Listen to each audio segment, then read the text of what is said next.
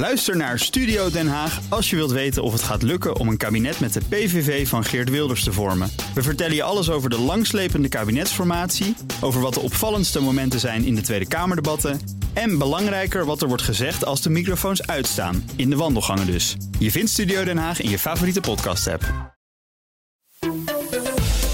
Iedere dag een blik op de wereld en die komt van onze Europa-verslaggever Geert-Jan Haan. Geert-Jan, goedemiddag. Een paar minuten met de aandacht voor de Nederlandse verkiezingen door een buitenlandse bril. Dat kan weer eens. Maar zeker ook voor de oorlog tussen Israël en Hamas. Met minder goed nieuws, want de VN-gezant, speciaal VN-gezant voor Syrië, stelt dat de oorlog inmiddels al naar Syrië is overgeslagen. Ja, dat is uh, Ger Pedersen, speciale VN-gezant voor Syrië, die vannacht heeft gezegd: er wordt hier in Syrië zoveel gebombardeerd. Um, door Amerika, door Turkije, door de Syrische regering.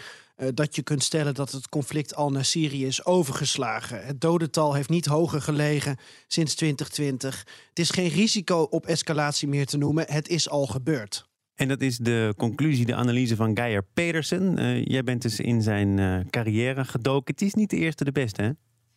Nou, ik zag dat hij 30 jaar terug ook al in het team van de Oslo-akkoorden zat.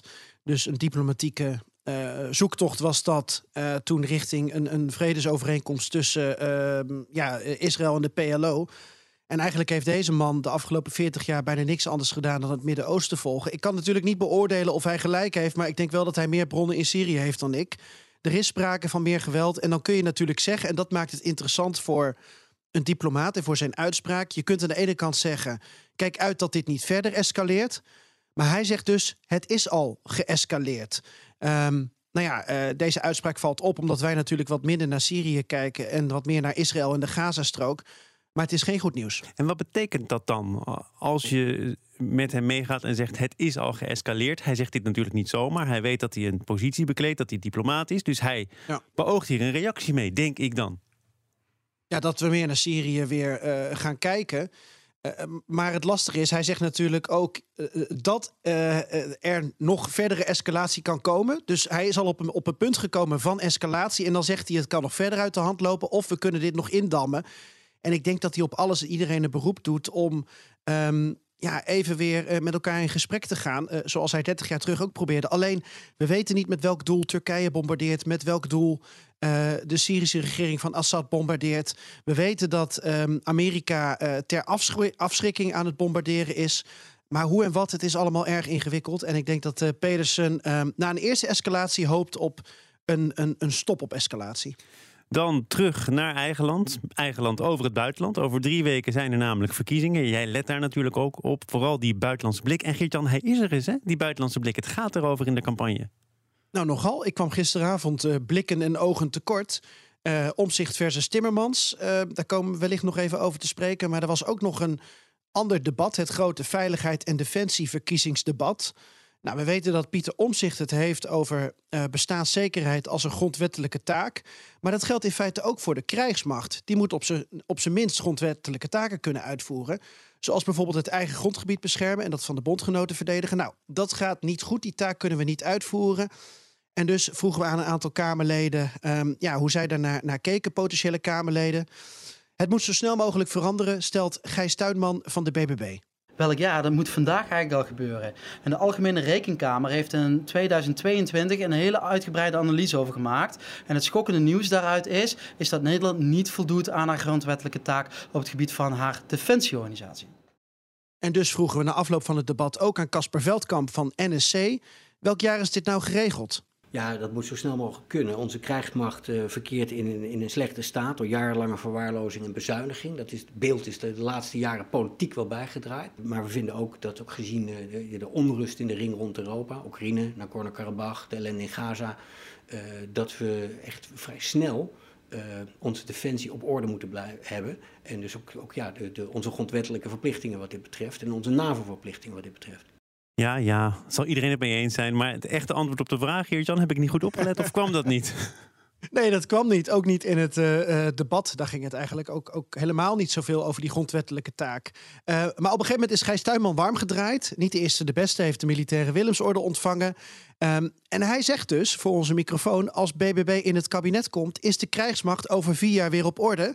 En hij zegt ook tegen collega Robert van Loon: Ik wil dat militairen weer zichtbaar zijn op straat. Ik zo zeggen, dat, je elke week als je in je eigen woonplaats of als je naar, naar, met de trein naar kantoor gaat, dat je weer wat militairen ziet. Dus je fiets naar school en er rijdt een tank voorbij. Nou, het hoeft niet alleen de tank te zijn. Hè. Kijk, wat ik denk wat essentieel is, en met BBB zijn we er heel principieel over, dat oorlog, een conflict, is, het is verschrikkelijk, maar het zit in het aard van het beestje, het zit in mensen. Dus conflict en oorlog begint met mensen, hè, daar zit de twist, maar het eindigt ook altijd daar. Hè, dus middelen zijn belangrijk, wat nog veel belangrijker is, is dat we de, de, genoeg mensen hebben, de juiste mensen hebben en ook met de juiste mindset. Dus aan het eind van deze kabinetsperiode is de Nederlandse defensie op sterkte. Dat beloof ik jou. Een belofte, zo waar. Goed, dat uh, gezegd hebben. Tot slot naar dat uh, debat dat je eerder aanhaalde. Omtzigt versus Timmermans. Of ja, was het eigenlijk wel versus? Want ze waren het ook over heel veel dingen eens. Ja. Wat viel jou op met de Europese bril op je neus? Nou, jij hebt, hebt delen ervan gezien, uh, Thomas, begrijp ik. Mij viel op dat de tijd van Brussel-bashen wel voorbij is. In ieder geval voor deze kandidaten, wat ons ook niet hoeft te verbazen. Want Timmermans is natuurlijk uh, eurocommissaris geweest, vicevoorzitter van de Europese Commissie, omzicht 15 jaar in de Raad van Europa. Maar ze hebben het nadrukkelijk over het zoeken naar oplossingen door samen te werken. Um, kijk alleen al naar het vraagstuk klimaat. Timmermans wil veel meer klimaatplannen en klimaatactie. Omzicht gaat dat in sommige gevallen iets te, te snel.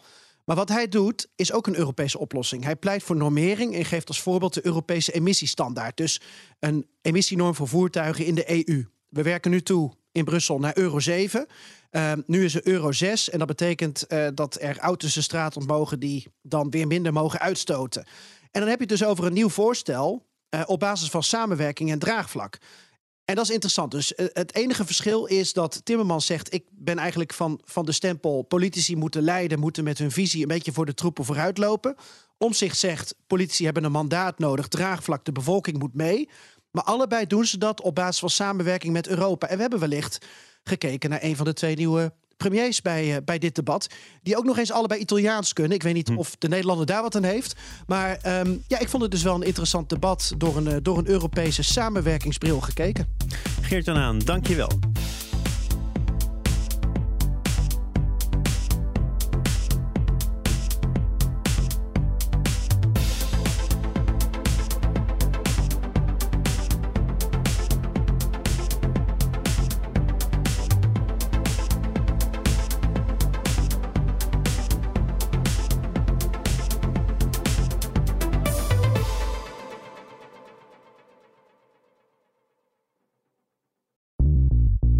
wel. BNR ben je altijd als eerste op de hoogte van het laatste nieuws. Luister dagelijks live via internet. Bas van Werven. En heel langzaam komt de zon op rond dit tijdstip. Je krijgt inzicht in de dag die komt op BNR, het Binnenhof in Nederland en de rest van de wereld. De Ochtendspits. Voor de beste start van je werkdag. Blijf scherp en mis niets.